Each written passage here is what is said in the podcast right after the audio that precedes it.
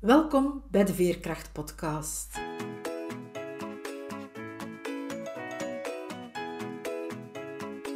Ik ben Veerle Schaltien, levensverhalen en schrijfcoach.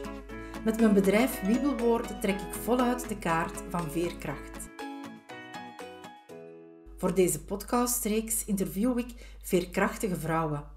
Het zijn vrouwen zoals jij en ik, die soms wel eens het hoofd laten hangen, maar die er vooral telkens opnieuw in slagen weer overeind te krabbelen, die telkens opnieuw de moed hebben om door te gaan, die ondanks alles ten volle in het leven staan en elke dag waardevol weten te maken. Hoe ze dat doen, vertellen ze je heel openhartig. Luister, snoep van hun woorden en laat je inspireren door hun verhalen, want als zij het kunnen, kan jij het ook. Dag Anne, welkom.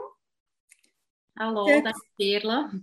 Een tijdje geleden heb ik een womphealing bij jou meegedaan. En tijdens die namiddag vertelde jij wie dat je was, je vertelde je verhaal. En dat raakte mij heel erg. En ik wist toen al, hoewel ik jou nog helemaal niet goed kende, dat ik jou graag in mijn podcast wilde. Maar kan je zelf eens vertellen wie jij bent? Wie ben ik? Dat is eigenlijk uh, een vraag die ik mezelf echt in 99, ja, duizend en één keer uh, gesteld heb, of wel meer. En dat was naar de aanleiding ook van het overlijden van mijn dochtertje Jinse. En haar overlijden ja, heeft eigenlijk heel mijn wereld toen op, op, op zijn kop gezet. En een van die meest fundamentele vragen die mij bezighield is wie ben ik? En van daaruit is eigenlijk mijn zoektocht begonnen. In de eerste instantie een zoektocht die mij naar de buitenwereld richtte. Tot op een gegeven moment dat er nog andere crisis zich aanbood en dat de weg naar binnen, de zoektocht echt naar mezelf en mijn essentie. En dat is ook de missie die dat ik nu uitdraag in dit leven, om mensen echt terug uh, ja, te laten herinneren eigenlijk wie dat ze in essentie zijn en dat ze van daaruit kunnen gaan leven. En dat is eigenlijk de weg van het hoofd naar het hart en van het hart doorzakken naar de baarmoeder of bij mannen is dat dan de Harat, energetische centrum, om vanuit die alignment, die verbinding te gaan leven. En als je vanuit die verbinding leeft, wat brengt je dat eigenlijk?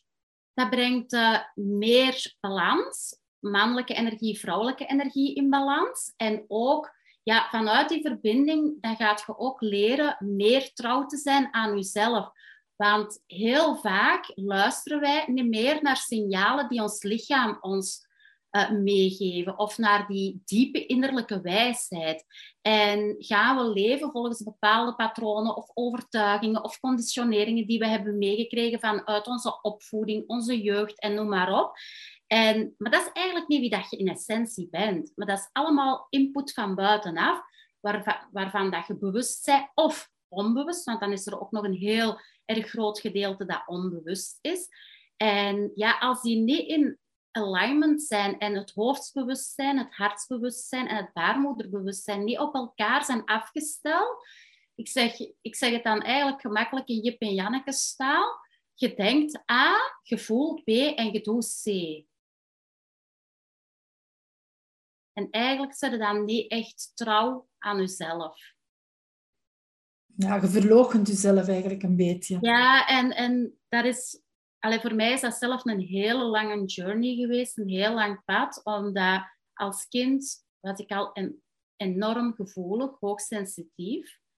En ik ben opgegroeid in een gezin waar dan mijn ouders niet echt empathisch waren, geen emotionele verbinding was en heel erg vanuit je mind ook leefde, vanuit, vanuit dat overleven. Ik heb uh, niks tekort gekomen in mijn opvoeding qua, qua materiële zaken en, en noem maar op. Maar wel die verbinding, die heb ik altijd gemist. En ja, ik zat ook altijd met mijn voelsprieten naar buiten gericht. Bij mijn mama en mijn papa, omdat soms ook de omgeving van veilig naar onveilig kon gaan. En ik zat eigenlijk continu te scannen en continu te voelen van wat hebben zij nodig.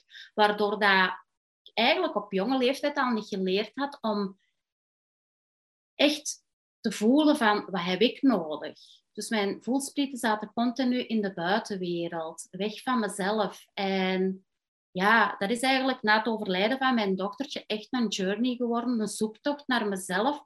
En om ja, terug gaan te voelen van wie ben ik nu eigenlijk? En, en ook wie ben ik in essentie? En ja, dat is, dat is gewoon echt voor mij een lange weg geweest. Want als ik het zo hoor, als kind, je voelsprieten stonden naar buiten gericht. Jij ging voelen van, wat hebben mijn ouders nu nodig? Ja. Dus je probeerde voor je ouders te zorgen. Mhm. Terwijl het eigenlijk gezond is als het omgekeerd gaat. Ouders zorgen voor hun kinderen en als, als kind hoef je niet voor je ouders te zorgen. Nee. Maar in vele gezinnen is dat wel zo. Ouders doen sowieso altijd het beste wat dat ze kunnen. Maar toch kunnen ze je niet alles geven wat dat je nodig hebt. En dan komen er zo'n situaties waarbij je niet altijd op de juiste plek in, in je familiesysteem staat. Hè? Ja, klopt helemaal. Dat is inderdaad zo. En, en ben mij ook bewust, mijn ouders hebben op dat moment het beste van zichzelf gegeven. Dat toen naar hun normen en waarden en mogelijkheden was. Dus, maar ook dat is een proces. En voor mezelf dan vooral echt een proces van mezelf gaan ontwikkelen en het ontdoen van al die wikkels die dat er rond mij gelegd zijn. En ook, het is echt, het is echt een weg van hoofd naar hart, naar baarmoeder. Echt de diepte ingaan, gaan helen, ook pijnstukken gaan aankijken, schaduwstukken gaan aankijken. Je hebt al een paar keer gezegd dat die reis hè, naar, naar jouw binnenste eigenlijk begonnen is bij het overlijden van je dochtertje. Ja, dat klopt. Ik was uh, negen maanden zwanger. Dat was mijn eerste zwangerschap. En na negen maanden, ik zou normaal gezien op 26 februari 1999 ingeleid worden om de zwangerschap in te leiden, omdat ik aan het overdragen was. Maar de gynaecoloog besliste toen om uh, te verschuiven naar 1 maart. En tijdens de nacht van 27 op 28 februari krijg ik tijdens de nacht een visioen. En in dat visioen verscheen mijn dochtertje aan mij. En ja, dat was zo een levensecht visioen. Ik voelde dat in elke cel van mijn lijf. Dus ik lag op mijn zij en plots ging de deur van de slaapkamer open en er kwam zo een klein huppelde puppetje, zo vrolijk speels, de kamer binnengehuppeld. En zij herinnerde mij eigenlijk aan wie dat ik was toen ik zo nog heel klein was. Zo heel vrolijk, heel speels, heel spontaan, echt alive. En tegelijkertijd wist ik ook dat dat mijn dochtertje was. Maar zij zat nog in mijn buik, hè, in mijn baarmoeder, want ik was negen maanden zwanger. En ze zegt, mama, mama, mama, mama, wakker worden, wakker worden. Ik uh, moet jou iets vertellen. En ik zeg, ja, schatje, ik ben wakker. En ze kwam afscheid nemen. En ze zei, mama, ik wil jou bedanken voor de negen maanden dat ik bij jou ben mogen uh, blijven. Voor de veiligheid die je mij geboden hebt en je liefde.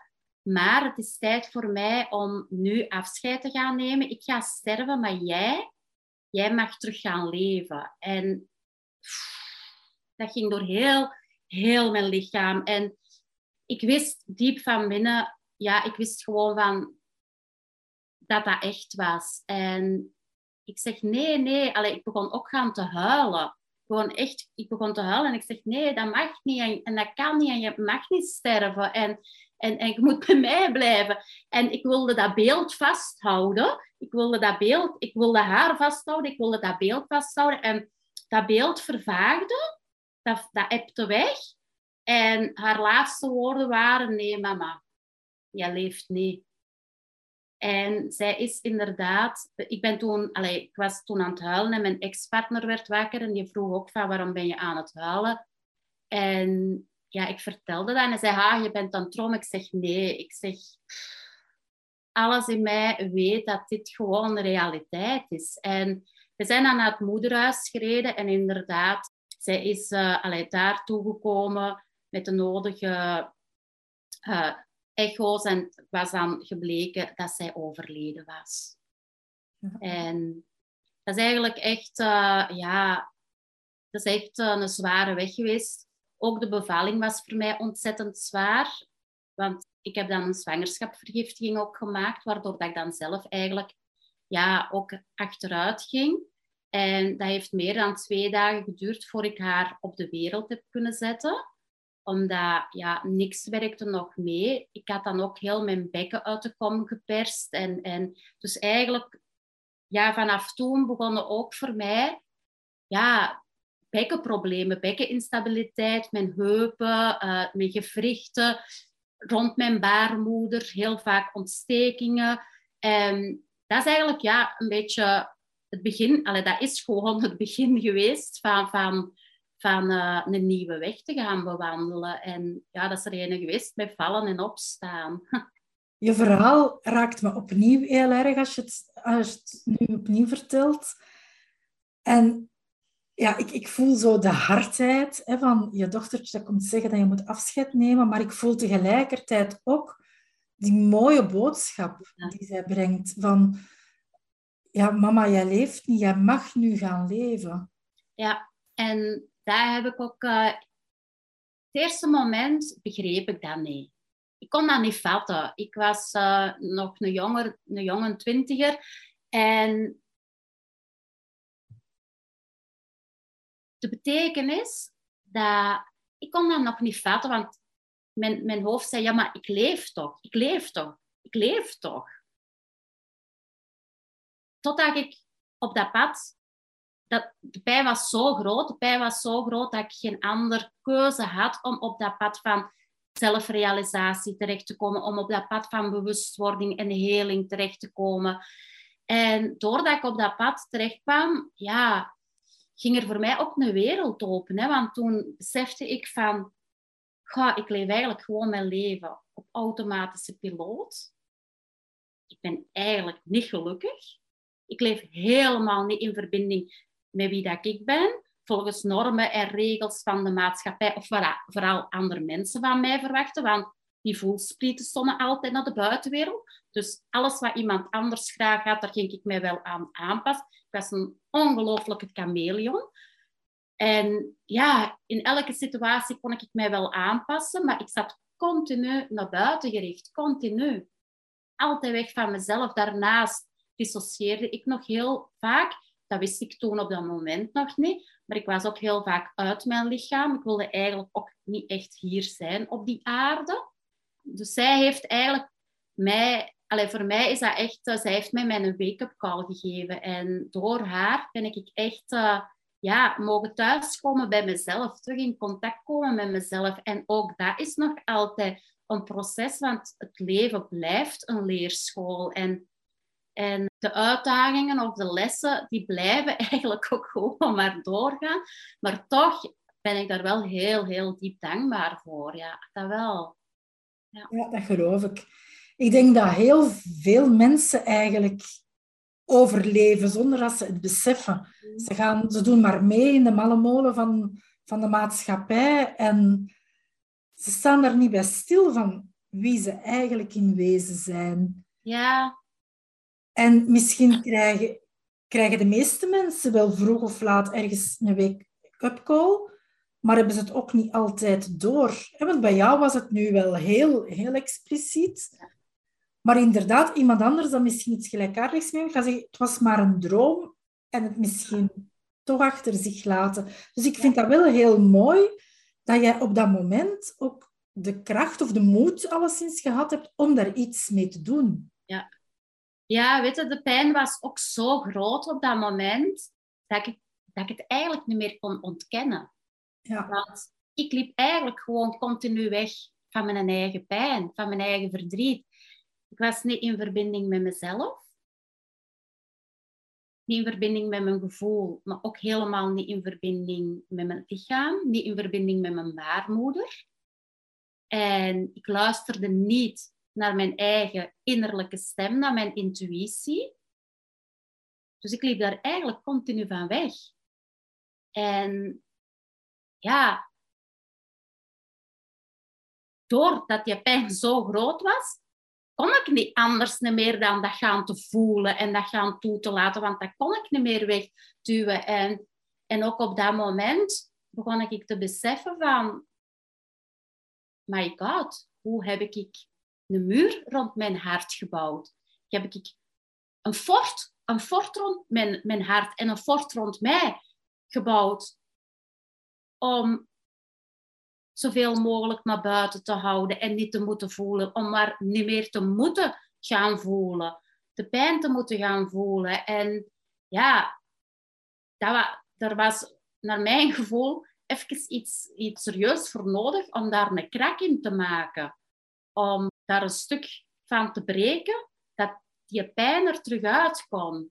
Allee, zo, zo, voel, zo, zo voelt het eigenlijk echt wel voor mij aan. Dus dat dat echt wel ja, nodig is geweest om mij een andere richting uit te sturen. Ja, en om de muren te kunnen afbreken van het... En die muren, en die muren allemaal gaan afbreken, inderdaad. En dan is dat in de eerste instantie voor mij echt een proces geweest van uh, ook ja, rond dat hoofd, hè, dat bewustzijn, het bewustzijn, het onderbewustzijn, gaan te kijken van oké, wat zit er ook allemaal in mijn onderbewustzijn en mijn, mijn belemmerende overtuigingen, de gedachten die dat ik geloof, mijn eigen overlevingsmechanismes, mijn, mijn patronen. Um, ja, dus dat zit daar vol, hè? Die, die, die, die je saboteren en tegenhouden en en dan tegelijkertijd ook dat hart dat afgesloten is. Ik voelde geen verbinding met andere mensen. Waarom? Omdat ik ook niet met mezelf kon verbinden. En dan is dat ook een heel stuk om, om rond te gaan werken. Dus dat zo, voor mij is dat echt, ja, echt een weg geweest van meer dan 21 jaar om, om terug thuis te komen in mijn lichaam, terug thuis te komen bij mezelf, ook gaan te herinneren wie dat ik eigenlijk in essentie ben. En trouw te gaan worden aan mezelf, want ik stond gewoon mijlenver van mezelf verwijderd, mijlenver. En heel mijn leven is eigenlijk, heb ik eigenlijk een leegte gevoeld. Een leegte in mezelf. En die leegte die was er al voordat mijn dochtertje kwam te sterven. Maar door haar ben ik dat eigenlijk, door het overlijden, ben ik dat eigenlijk pas gaan voelen ook. En gaan toelaten. Ja, en er, je er bewust van geworden ook. En bewust van geworden, ja, dat klopt. Ja, en dat is, dat is, het is zo'n rol, mijn leven is echt zo'n rollercoaster geweest van ja, van ups en downs. En, maar als ik daarop terugblik, dan ben ik er wel nu dankbaar voor. Want ik heb meerdere momenten gehad dat ik in de dark night of the soul zat. Dat ik, de, ja, dat ik in een diepe depressie zat, burn-out, uh, ziekte, noem maar op. En zeker op die momenten, ja, dan zit er soms geen licht aan het einde van de tunnel. Want dan, als je daarin zit, dan heb je vaak het idee van, kom hier nooit meer uit. Maar ik ben er elke keer terug uitgekomen, zelf ook uitgekomen. En dus elke keer als je daar dan door bent en je zei dan ja, de inzichten die dat je krijgt, de lessen die dat je krijgt, de groei dat je zelf opmaakt. Dus ik kan daar wel met heel veel dankbaarheid op terugkijken. Ja. En wat maakte dan dat je zo elke keer eruit geraakte. Want ik kan me indenken dat er luisteraars zijn die misschien op, dit moment zo in die donkerte zitten en geen uitweg zien. Maar waar heb je dan de moed of de veerkracht gevonden om daar toch telkens opnieuw uit te geraken? Goh, dat is ook een lang proces geweest met vallen en opstaan. En in het begin zat ik bijvoorbeeld voor een heel lange periode in een depressie. En dan duurde dat veel langer voordat ik daaruit was als ik nu op dit moment nog momenten ervaar waarin dat ik mij minder goed voel of wat meer down gevoelens, dan kan ik die gewoon ook toelaten en die bestaansrecht geven. Wat voor mij eigenlijk een hele belangrijke op mijn eigen pad is, is om alles wat zich aandient in mezelf, om dat bestaansrecht te geven, om dat ruimte te geven, om dat er te laten zijn. Want dat wil alleen maar, dat zijn messengers. En die willen een boodschap meegeven, want daar zit vaak iets onder dat we nog niet zien of waar we nog niet van bewust zijn. En door die ruimte te geven en bestaansrecht te geven en er gewoon ook aandachtig bij aanwezig te zijn als een liefdevolle ouder, zonder dat je dat gaat veroordelen, zonder dat je daar weerstand tegen hebt, zonder dat je dat weg wilt, zonder dat je dat anders wilt, maar dat er gewoon kunt laten zijn. Dat is voor mij eigenlijk een heel belangrijke, omdat ik merk dat ik in het verleden tegen alles wat ik niet wou, zoveel weerstand had. Maar alles is energie. En wat je niet wilt, ja, wat je niet wilt, waar dat je weerstand tegen hebt, daar geeft ook energie aan. Dus je houdt dat eigenlijk in stand. En, en dus, dus ja, eigenlijk heeft het ook heel veel te maken met gewoon, gewoon zijn. En, en daar ruimte geven, dat er, dat er laten zijn. Ja, er laten zijn in plaats van er tegen te gaan strijden dan. Ja, in, in plaats van er tegen gaan te vechten, in plaats van het weg te willen, in plaats van ervan gaan te lopen. Want dat is ook nog ene die dat, dat ik heel vaak deed. Als ik iets voelde, dan, ja, dan ging ik wel afleiding zoeken. Want dan ging ik wel van alles anders doen. En die afleiding kan in duizend en één dingen zijn. Dat kan in intensief gaan sporten zijn, maar dat kan ook in alcohol zijn. Allee, mensen kunnen gaan vluchten van wat ze voelen door, door verslaving. En, en ja... Of ik heb ook een periode gehad dat ik um, immense pijnen had. Spierpijnen, gewrichtspijnen. En ja, die waren zo extreem heftig. En op dat moment ging ik dan bijvoorbeeld heel, ja, dan liep ik van de ene dokter naar de andere, want ik wou dat nu weg. Tot op een gegeven moment dat dat gewoon nog erger en erger werd. En dat ik voor mezelf echt die keuze had gemaakt van oké, en nu stop ik met alles. En nu ga ik ruimte nemen en ik ga elke dag met mijn pijn zitten. Ik ga elke dag mijn pijn voelen. Ik ga daarmee in contact komen. Ik ga daarmee in verbinding komen. Ik ga daar ruimte geven.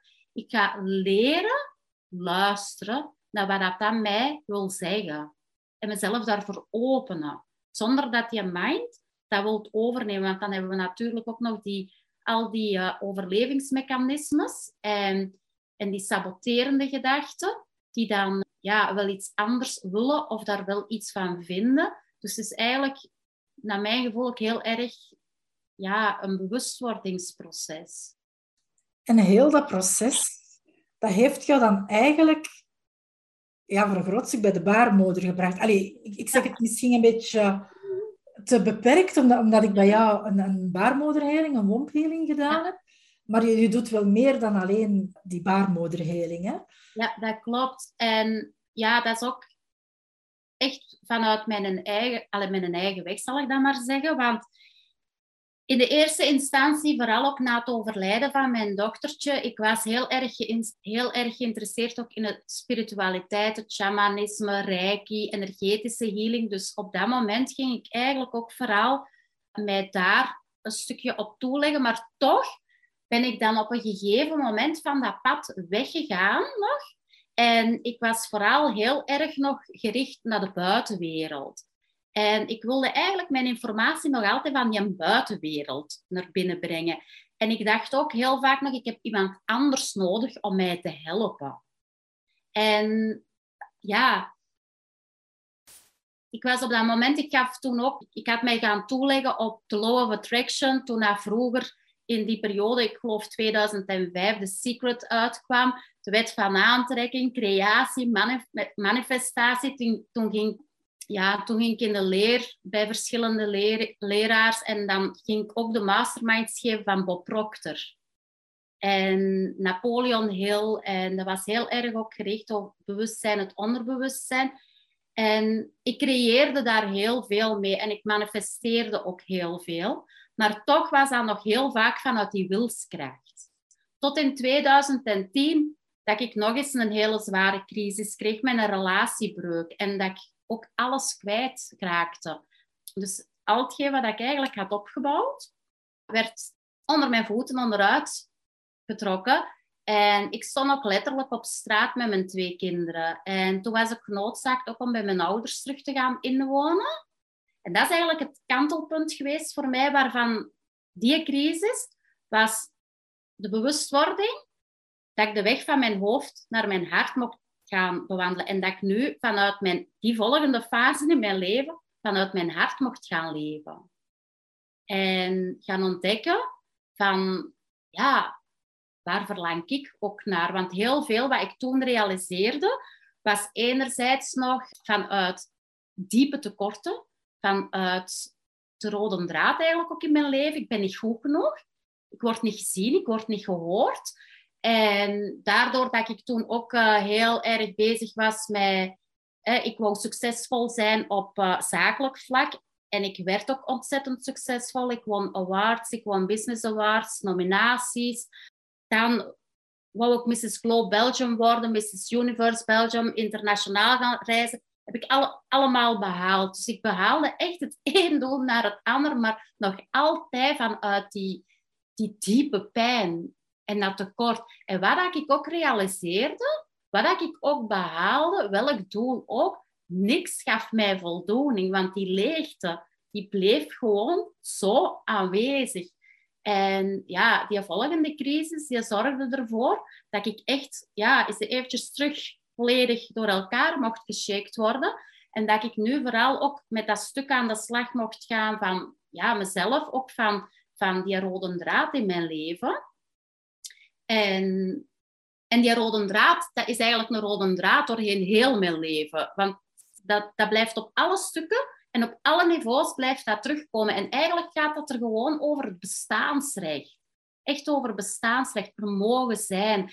En ja, dus daar ging ik dan vooral in de volgende fase van mijn leven, ging dan vooral echt dat hart openen. En dat hart helen en vanuit mijn hart gaan leven. En voor mezelf, dan ben ik mijn eigen onderneming opgestart. Niet meer voor mijn partner, maar voor mezelf. En dan ging daar mijn energie in steken. Maar nog vanuit een veel te mannelijke energie. Dus ik ging nog steeds vanuit doen en, en actiegericht en manifestatie. En, en zo voelde ik wel dat er nog een disbalans enorm was tussen mijn vrouwelijke en mijn mannelijke energie. En toen begon ik ziek te worden en kreeg ik een depressie. En dan, ja, dan, dan moest ik een hysterectomie doen, mijn baarmoeder laten verwijderen. Dat was in 2015. En eigenlijk was dat een volgende crisis in mijn leven. En die crisis legde mij echt ja, voor een lange periode plat ik kon ook niks meer. En ik had dan het geluk dat ik voor mezelf wel die financiële vrijheid ondertussen terug had opgebouwd. Dat ik mezelf ook die ruimte kon gunnen. En die een tijd kon gunnen om naar binnen te keren. En beide, dus, dus vanaf het moment dat mijn baarmoeder weg was, dat was eigenlijk, er was heel kort tijd tussen. Het moment dat de gynaecoloog mij dat adviseerde en effectief de verwijdering van mijn baarmoeder zat maar twee weken tussen. Dus ik had eigenlijk niet de ruimte gehad voor mezelf om, om echt gaan te voelen en, en, en, ja, en misschien een second opinion te gaan vragen. En plots was mijn baarmoeder weg. En dat heeft vooral ook het stuk bij mij ontwaakt van, ga, maar wat nu met mijn vrouwelijke kracht? Want ik lig hier wel op mijn bank, omdat mijn mannelijke energie mij overroelt, mij eigenlijk mijn vrouwelijke energie volledig heeft onderdrukt. Maar wat nu met mijn vrouwelijke kracht en mijn vrouwelijke energie en, en mijn baarmoeder is weg, ga ik nog wel in contact kunnen komen met die krachtbron in ons? Want ik was dan ook vooral in die periode heel veel aan het lezen en aan het opzoeken al over die vrouwelijke kracht en zo. En ja, dat gaf mij dan weer duizend en één vragen over, over dat stuk. En dat is eigenlijk het begin van mijn journey, dat ik dan naar die vrouwelijke wijsheid en kracht op zoek ben gegaan. Het ontwaken van de vrouwelijkheid in mij en ook die balans gaan vinden tussen die vrouwelijke en die mannelijke energie in mezelf. En daardoor ben je terechtgekomen bij wat je nu ook professioneel doet. Dat klopt, want dan uh, ben ik zelf ook workshops gaan volgen, opleidingen gaan volgen rond dat werk, baarmoederheling, womb awakening, sacred body awakening, lichaamsgerichte therapie, noem maar op. En tijdens mijn eigen journey kwam ik uh, op een gegeven moment echt ja, in contact met mijn baarmoeder. En mijn baarmoeder sprak ook echt tegen mij. Je vertelde net, uh, je hebt een uh, hysterectomie gehad, dus je baarmoeder was weg. Maar energetisch is die dan nog wel aanwezig, hè? Ja, dus het is eigenlijk energetisch, het energetische. En ja, tijdens die journey, dus ook al heb je geen baarmoeder meer of, of eileiders, energetisch is dat nog altijd aanwezig. En onze baarmoeder, ja, zeker bij vrouwen, is een, onze geslachtsorganen in het algemeen, ook bij mannen trouwens. Ook het energetische baarmoeder bij mannen, de hara genoemd. Ja, daar zit ook heel veel pijn en verdriet opgeslagen. En ja, alles wat je in dit leven hebt ervaren, waar dat pijn of verdriet of trauma, wordt heel vaak rond die zone ook opgeslagen. En ja, dat zijn blokkades die daar zitten, waar dat je eigenlijk vaak zelfs nog niet van bewust, gewoon nog niet van bewust bent. Maar onze baarmoeder zendt ook energie uit en trekt ook aan. En wij zijn eigenlijk als mens gewoon helemaal een zender en een ontvanger. En als er veel verstoring op zit, ja, dan trekt je ook verstoring aan. Maar ook wat je aantrekt, dat zijn spiegels om uit te leren. Want dat reflecteert vaak naar iets van, ja, ik heb dat zelf bijvoorbeeld in de relaties. Ik, trek, ik trok altijd de foute mannen aan. Foute mannen die heel dominant waren, macht, noem maar op. Maar dat reflecteerde ook naar een stuk in mezelf van, waar ben ik dominant naar mezelf? Mijn mannelijke energie domineerde helemaal mijn vrouwelijke energie. Uh, die onderdrukte mijn vrouwelijke energie. Dus ik trok in de buitenwereld aan wat er hier van binnen bij mij allemaal speelde. En het is eigenlijk ook vooral die bewustwording daarvan. Want heel vaak gaan we projecteren op anderen. Van, van jij doet dit of jij doet dat. Maar dat zijn vaak gewoon maar spiegels. En, en dan is het vooral van oké, wat doet dat met mij? En wat wil dat over mij zeggen? En waar ben ik geraakt?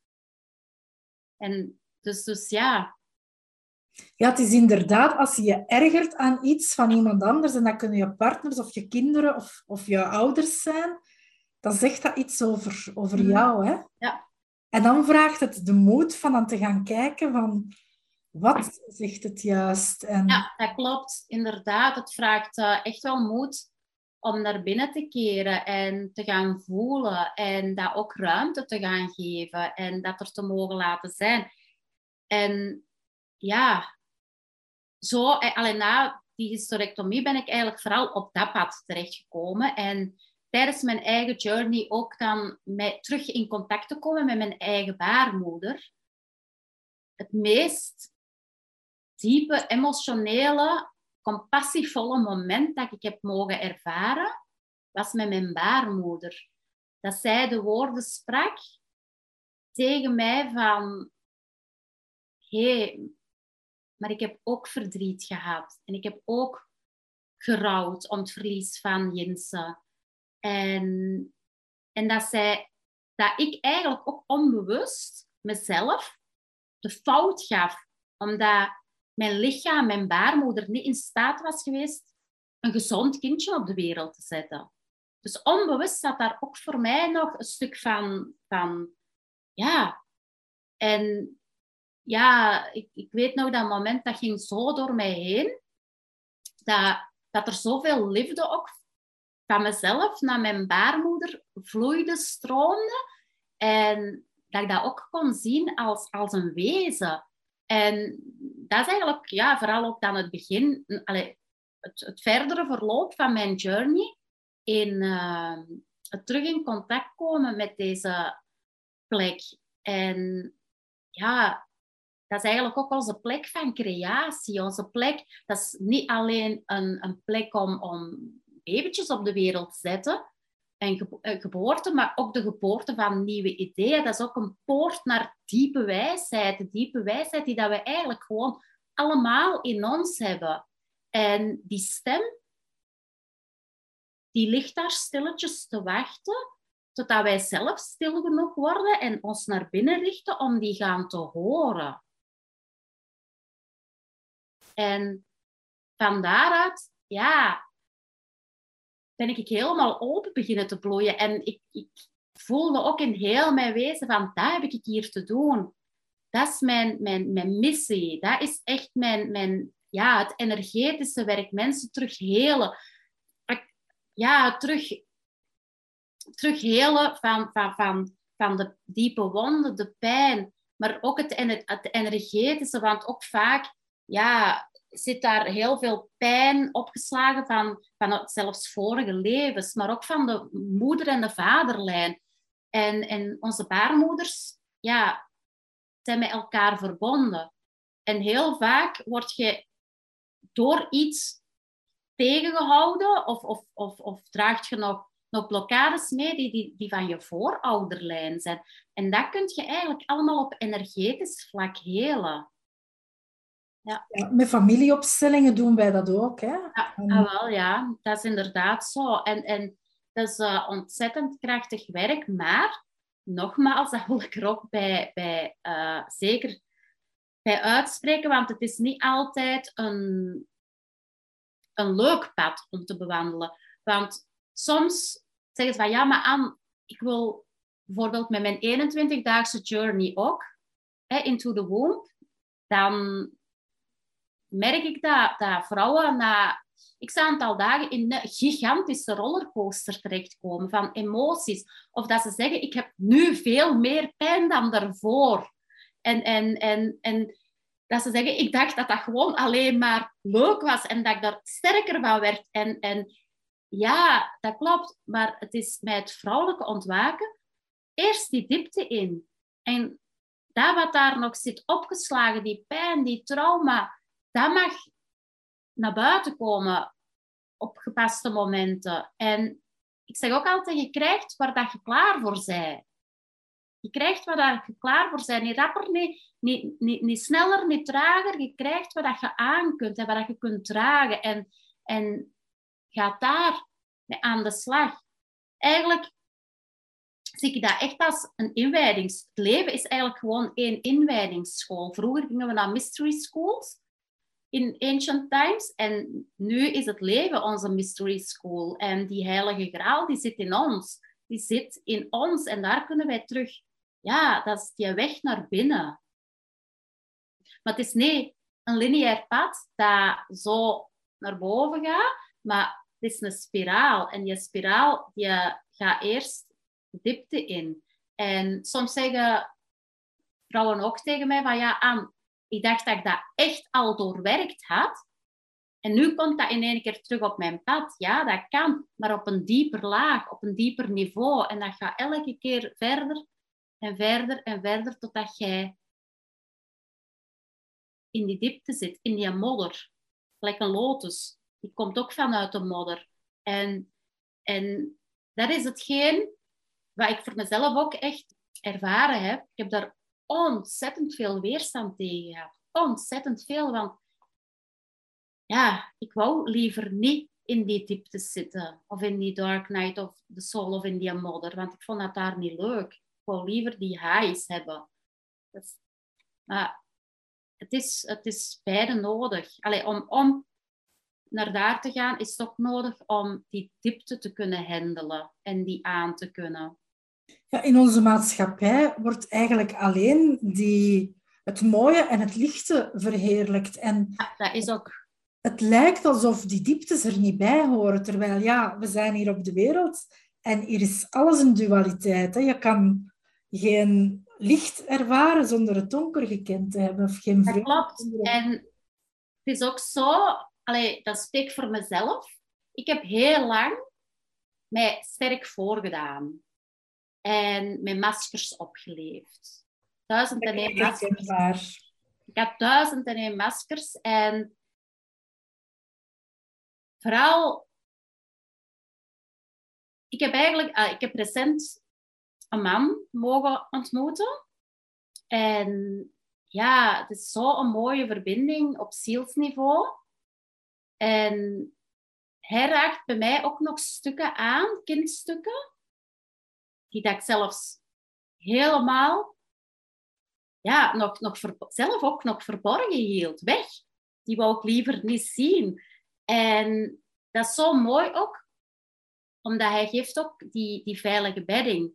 Dat ik, dat ik dat allemaal, in die ruimte, dat ik dat ook allemaal mag uitspreken. En dat dat er mag zijn. En dat ik mezelf ook, want dat ik zelf ook kan voelen en ervaren voor mezelf, dat ik dat ook ruimte mag geven, ook al zit er schaamte op. Of, of is dat een diep verdriet en een diepe pijn die dat ik voel. Dat ik dat niet op hem ga projecteren, maar dat ik vooral ook kan voelen van oké, het is mijn stuk. Hij spiegelt iets in mij wat gezien mag worden, wat geheeld mag worden, wat gehoord mag worden. Ik mag dat zelf bestaansrecht geven. En ja, dat is hoe ver dat je ook op een journey bent, die, die, die stukken, ik bedoel, ik zie dat altijd een beetje als een najuin. We pellen altijd laagjes af en nog een laagje en nog een laagje. En ja, ik geloof ook dat leven ja, leer, leermomenten geeft en dat dat een ongoing proces is eigenlijk. En dat vooral ook belangrijk is, naar mijn gevoel, om zelf echt te durven openen voor het leven. Voor, voor, voor, voor alles wat er is. Ook, ook die, die stukken die dat je eigenlijk liever gewoon heel ver weg wilt houden. En, en die dat je niet graag hebt. Ik, ik ben ook zo opgevoed. Alleen maar het goede.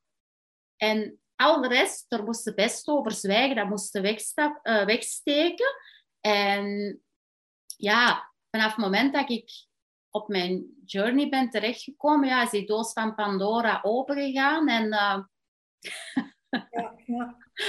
Uh, ja. Maar het klinkt heel herkenbaar ook voor mij. Van, ja, als je blij was, dan mocht je uiteraard tonen, maar het verdriet en zo niet. Liever wees maar sterk. En... Ja, dat is. Maar daardoor ja, leren wij ook van maskers op te zetten. Hè? Ja, dat is duizend en één maskers. En ik, ik mocht... Ik, ik, weet, ik kan me nog zo herinneren dat er momenten waren dat ik kapot ging van de pijn. En dat ze vroegen aan mij van, Anne, hoe is het? En dan zeg alles goed alles goed. Dat ik, ja, zo een automatisch iets. En ja, het was altijd goed met mij. Altijd goed, terwijl dat ik van binnen gewoon aan het kapot gaan was. Ja, ja. ja. Mhm. Ik vond ook het beeld van de ajuin dat je net zei. Je pelt er altijd een laagje meer af. Maar ik moest daarbij denken van, als wij een ajuin pellen, de meeste mensen toch, die beginnen dan te wenen. Mm. Elk laagje doet wel pijn. Ja, dat is. Maar als je daar dan, ja, je kan die pijn dan doorvoelen, doorleven. En mm. dat maakt dan wel dat je leven dan lichter wordt, hè, totdat je weer bij een volgend laagje terechtkomt, uiteraard. Ja, dat klopt, dat klopt. En het is vooral, ja, gelijk je zegt ook, hè, van, van die pijn, die hoort bij het leven. En wat ik zelf in mijn eigen leven dan vooral ervaar, is dat ik veel sneller door pijn kan doorgaan, omdat een immense weerstand er niet meer is. En omdat ik dat ook ruimte geef om, om, om er te zijn. Dat ik dat ook ruimte geef om te voelen, om te doorvoelen, om door mij heen te laten bewegen. En dat lukt soms ook niet, want dat gebeurt nog eens dat, dat, je mind, hè, dat je mind opspeelt en gaat saboteren, of dat je gaat weglopen, of dat je iets dan, dan wel net iets anders te doen hebt. Maar allez, voor mezelf merk ik dat dat veel uh, sneller, dat de transformatie ook veel sneller gebeurt. Ja. En dat is wel mooi om weten ook voor mensen die zo nu iets hebben, ze horen dit gesprek van hoe moeten we daar nog allemaal door? Is dat wel mooi om te weten van, ja, het zal wel altijd blijven, er zal altijd iets op je pad blijven komen, maar tegelijk wordt het ook lichter en, en, en gaat het... Ja, het, het is inderdaad zo. Het wordt lichter. En ja, het is vooral ook de volheid van jezelf gaan leren omarmen en accepteren van met alles, met alles, gewoon met alles, met ook de lelijke, donkere stukken, om, om dat ook allemaal ja, te gaan accepteren in de eerste instantie en omarmen. Ja. Als ik me goed herinner, dan denk ik dat je ook verteld hebt dat je zo tijdens je reis ook regelmatig geschreven hebt. En dat jou dat ook geholpen heeft. Ja, ik heb uh, met momenten ook heel veel geschreven. Dat is, dat is echt in momenten. En dat heeft mij ook wel... Ja, dat heeft mij ook heel vaak inzichten gegeven. En ja, vaak met het schrijven, als je dan al aan een stuk langer blijft schrijven, dan komt er ook wel uh, vaak het een en het ander naar boven nog. Of inzichten dat je krijgt. Ja. Ja, ik haalde dat graag nog eens aan, omdat ik dat ook altijd opnieuw merk van hoe helend schrijven ja. ook kan zijn. Hè? Ja. En vooral de fase waar ik nu vooral ook dan uh, in de laatste jaren vooral in zit, en dat vind ik ook misschien wel een belangrijke om eventjes aan te geven, dat is jezelf die ruimte ook geven om te voelen van wat heb je nodig als je terug in contact komt met de baarmoeder. Wat ik voor mezelf ervaren heb, is om enerzijds ook trouw te worden aan de natuur en mijn natuur. En wij zijn cyclische wezens. En eigenlijk de natuur heeft zo'n wijsheid en spiegelt ons zoveel die seizoenen die zijn allemaal even hard nodig. Allemaal. En als wij ons down voelen of slecht voelen, of het gaat is een dag niet, of we zijn moe, dan, dan zijn we boos op onszelf. Want we, we moeten altijd maar aanstaan. Of, of, of. En de natuur spiegelt net het tegenovergestelde. En er is een yin fase en er is een yang fase. De yang fase is dan de lente zomer, dus dat je meer naar buiten gericht energie en de yin fase naar binnen gericht. En de herfst en de winter. En dat is net hetzelfde met de maan. De maan gaat ook door fases. En, en alle fases zijn nodig. En dat is vooral ook, dat heb ik voor mezelf ook echt uh, pas na dat mijn baarmoeder verwijderd was, ben ik echt gaan tracken en gaan kijken van oké, hoe loopt mijn eigen cyclus? Mijn eigen fase. Want ja, het bloeden was er niet meer, maar als vrouw heb je altijd heb je een cyclus. En dan kon ik echt heel erg zien van oké, die periode zit ik in mijn yin-fase en heb ik rust nodig. En is voor mij echt naar binnen keren. En dat was vooral ook de periodes waarin dat ik heel vroeger, heel, bijvoorbeeld voor de menstruatie, dat ik heel down was. En, of emotioneel, of noem maar op. Dus, dus, en doordat ik dat ben beginnen voor mezelf echt gaan, gaan te tracken, ben ik daar ook meer en meer rekening mee kunnen gaan houden. En gun ik mezelf gewoon die momenten van rust. En ik, ik, ik neem die ook. En ik zorg ook op die momenten als mijn yin-fase is, dat ik niet te veel plan. En dat ik die ruimte heb en dat ik zeker niet activiteiten ga plannen die massa energie kosten. Dus, en net hetzelfde als de seizoenen. Ik ben iemand die heel erg meefloot ook met de seizoenen. Dus in de winterperiode verdwijn ik uh, drie maanden bijna van het scherm. Omdat ik gewoon die ruimte en die rust voor mezelf nodig heb. En, en en in het begin was dat heel beangstigend. Want dan dacht ik van ja, maar er moeten toch inkomsten zijn, of er moet toch dit, of er moet toch dat. Maar het is net in die periode dat het financiële bij mij het meeste stroomt. En dan komt dat van alle kanten. Mm en, en dat is ook iets dat, ja, dat, dat we ons bewust van mogen zijn. Dat we niet ja, in, in, in, in die mallenmolen blijven. Gelijk wat dat de maatschappij van ons verwacht. Want de maatschappij is vaak de 9-to-5-job, vijf dagen van de zeven. En ja, dat, dat is allemaal op automatische piloot. Moe of niet moe, voor vrouwen ook maandstonden of geen maandstonden. Vroeger, als je maandstonden had in ancient times, gingen vrouwen naar de rode tent en gingen die samen bloeden. En het is op die momenten dat die de meeste inzichten en visioenen en wijsheid naar boven kregen. Dus, dus dat is zo... Allee, het, is, het is een heel pad om te ontdekken, maar wel een heel mooi pad. Om echt terug trouw ook te gaan worden aan hun eigen natuur en de natuur.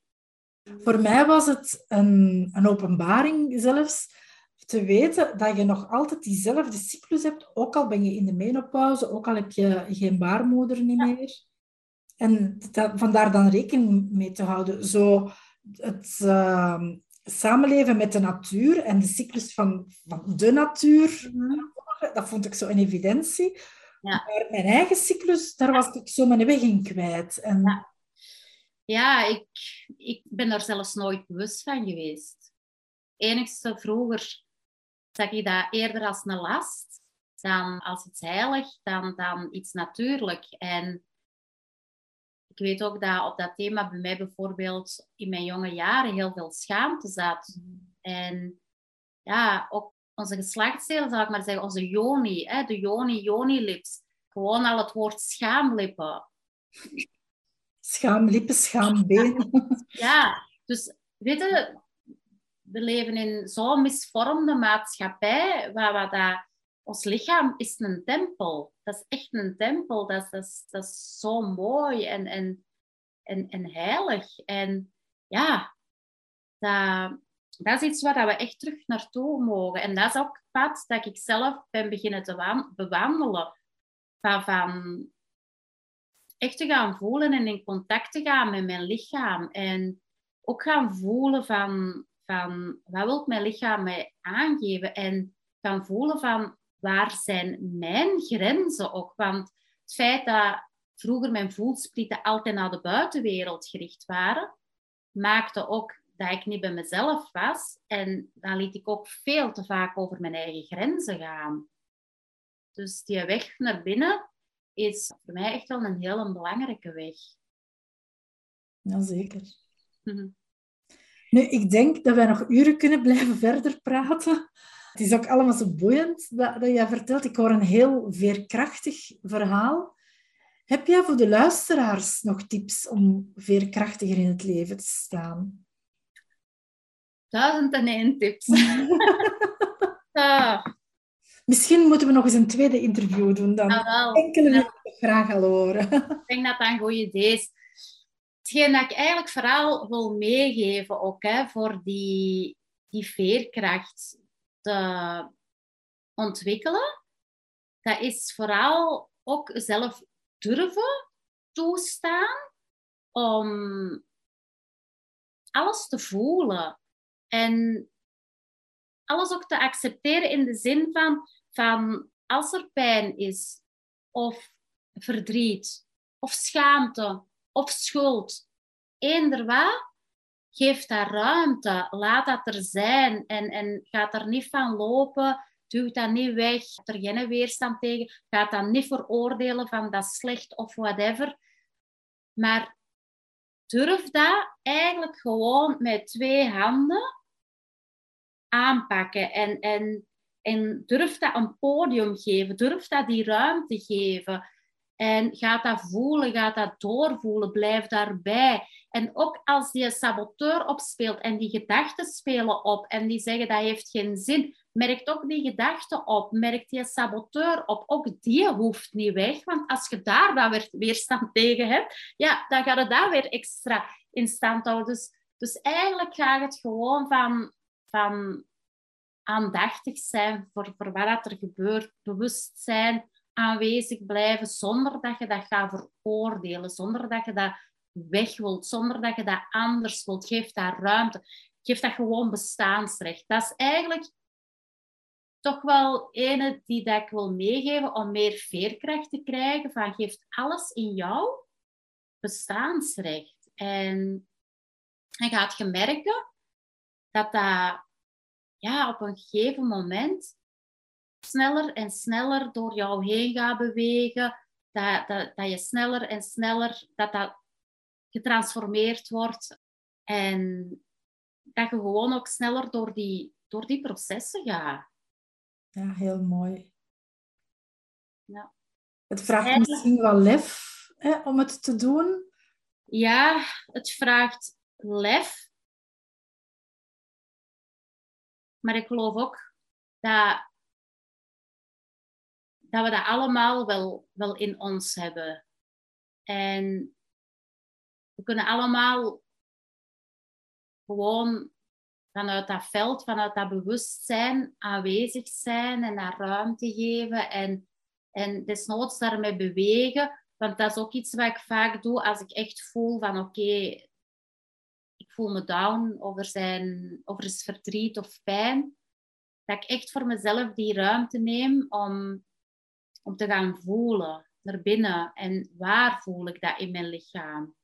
En waar manifesteert zich dat? En, en, en dat ik dat ook een stem geef. En soms komen er inzichten naar boven. Of zelfs soms komen er bij mij beelden naar boven. En ja, soms gebeurt dat dat, dat in beweging wil komen. Die stagneerde, geblokkeerde energie die daar zit. Dat die toch in beweging wil komen. En dan ga ik daarmee bewegen. Of dat ik voel, ah, er wil klank komen. Dat ik daarop ga klanken. Dat ik dat geluid naar buiten, dat ik dat een stem, een stem durf geven. Dat ik dat hier ook durf openen. En, en dat is wij terug meer mogen gaan doen. Dat een stem geven. Alles binnen in onszelf een stem geven. Zonder dat je in dat drama meegaat. Zonder dat je daarmee gaat identificeren. Zonder dat je eigenlijk ook voor een stuk dat je in het midden van die in het oog van de storm kunt blijven staan. En laat die storm, die chaos maar rondom jou bewegen, want die is er. Die is er. Dat je dat toch van daaruit kunt, kunt, kunt ervaren, kunt, kunt voelen, kunt doorvoelen, kunt bij aanwezig blijven. En dan is de impact, naar mijn gevoel, minder heftig. En dat kan soms nog heftig zijn, maar, maar dus dat is eigenlijk een lange tip. Ja, een hele, een hele waardevolle tip. Ja. En ook iets waar dat jij vrouwen, vrouwen en mannen dan trouwens ook kan bij helpen. Hè? Ja, en ook tijdens de wompoewekening, ik werk heel veel met mijn energie en light language dat doorkomt. En ik merk ook ja, dat, er heel vaak, dat ik heel vaak energetisch dingen terug heractiveer. Of, of dat er echt dingen worden vrijgemaakt. Vaak ook, vaak ook zit daar, want het is wel een wombewekening, maar heel vaak wordt er iets losgemaakt aan de stem of het hart. En eigenlijk gaat het gewoon energetisch, ook over energetisch werk en, en die verbinding. Ja. En ik kan uit eigen ervaring zeggen dat dat heel bijzonder is om, om dat te doen, dat er heel veel vrijkomt en dat het allemaal in een heel veilige omgeving gebeurt bij jou. Ja, dat vind ik ook een van de meest belangrijke dingen. Dat het, ja, voor mij is space holden echt ontzettend belangrijk en dat het echt een veilige bedding is, waar dat ook alles naar boven mag komen, dat dat ruimte mag krijgen en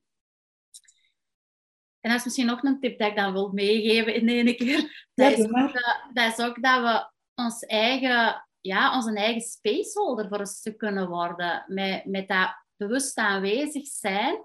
Hè, dat de pijn of wat dat er ook door jou heen komt, dat je ook voor jezelf die space kunt gaan, gaan houden. En ja, dat vind ik zelf, dat vind ik zelf ook uh, een hele belangrijke. Dat, dat ieder vanuit die eigen kracht terug kan gaan leven. Want, want eigenlijk ja, heeft ieder zijn eigen inner guru. En, en dat je terug gaat vertrouwen op die, die kracht binnen in jezelf en, en jezelf daarin kunt dragen. Ja, en de durft vertrouwen dat je je kan dragen. Ja, het, en het durft vertrouwen, maar ook dat is voor mij een hele weg geweest en een heel proces. En ik heb daar andere mensen voor nodig gehad die met momenten mijn hand is uh, vastpakten en die mij mee guiden of uh, waar dat ik van heb mogen leren of inwijdingen van heb mogen ontvangen. Dus, dus, dus het is niet dat je niet even met iemand samen kunt meewandelen, maar het mag niet een proces zijn van alleen maar alles van de buitenwereld. Het is vooral die inner journey die zo belangrijk is. En daarin is het fijn dat er dan ook wel mensen zijn die, die een journey ook hebben bewandeld en is gewoon voor een bepaalde periode meewandelen. Kan ik dat zo'n beetje samenvatten als van, je moet het niet alleen doen, maar je moet het uiteindelijk wel zelf doen. Ja. Dus iemand kan meewandelen, maar het proces ga je met jezelf aan. Ja, dat klopt. Dat klopt. En dat is ook nog voor ieder individu verschillend, hè?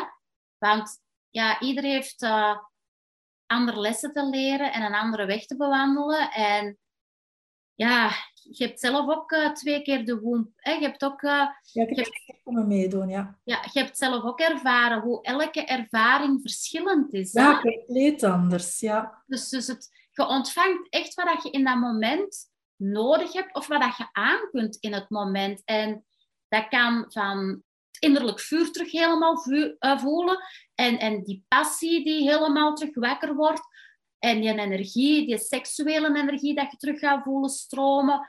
Maar dat kan ook zijn dat er een laag wordt aangeraakt die niet zo fijn is en die dat pijn doet en die de diepte ingaat. Dus het is telkens anders, voor ieder individu ook verschillend. De veilige bedding, dat vind ik wel een hele belangrijke. Ja, en, en die is er bij jou gewoon. Ja, dank u wel. Ja. Jij bedankt voor, voor heel dit gesprek, voor deze uitermate interessante tips. Mm, dank je wel.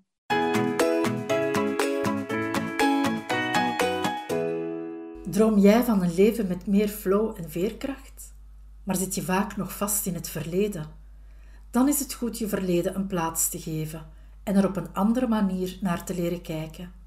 Zo voel je je niet langer slachtoffer van wat je is overkomen, maar kan je weer verder met je leven zonder dat het verleden het voortdurend bepaalt. Tijdens het jaartraject, je verhaal als bron van veerkracht, begeleid ik je hierbij. In een kleine groep schrijf je je levensverhaal. Met systemisch werk ga je de diepte in en je krijgt nog extra ondersteuning met essentiële oliën.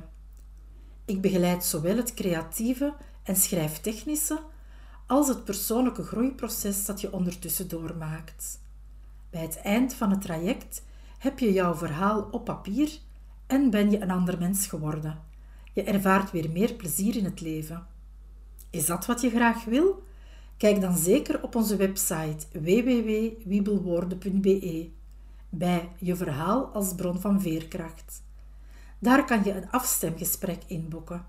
Tijdens dit gesprek ontvang je alle informatie, kan je vragen stellen en voelen we samen of dit traject iets voor jou is. Je luisterde naar de Veerkracht Podcast. Hartelijk dank hiervoor. Hopelijk heb je even erg van dit veerkrachtige verhaal genoten als ik. Laat je er zeker door inspireren. Ben je benieuwd naar het volgende interview? Of wil je niks van deze podcastreeks missen? Surf dan naar www.wiebelwoorden.be of abonneer je nu meteen gratis op deze podcast via Spotify of een andere podcast-app. De montage van deze podcast was in handen van Johannes Veremans.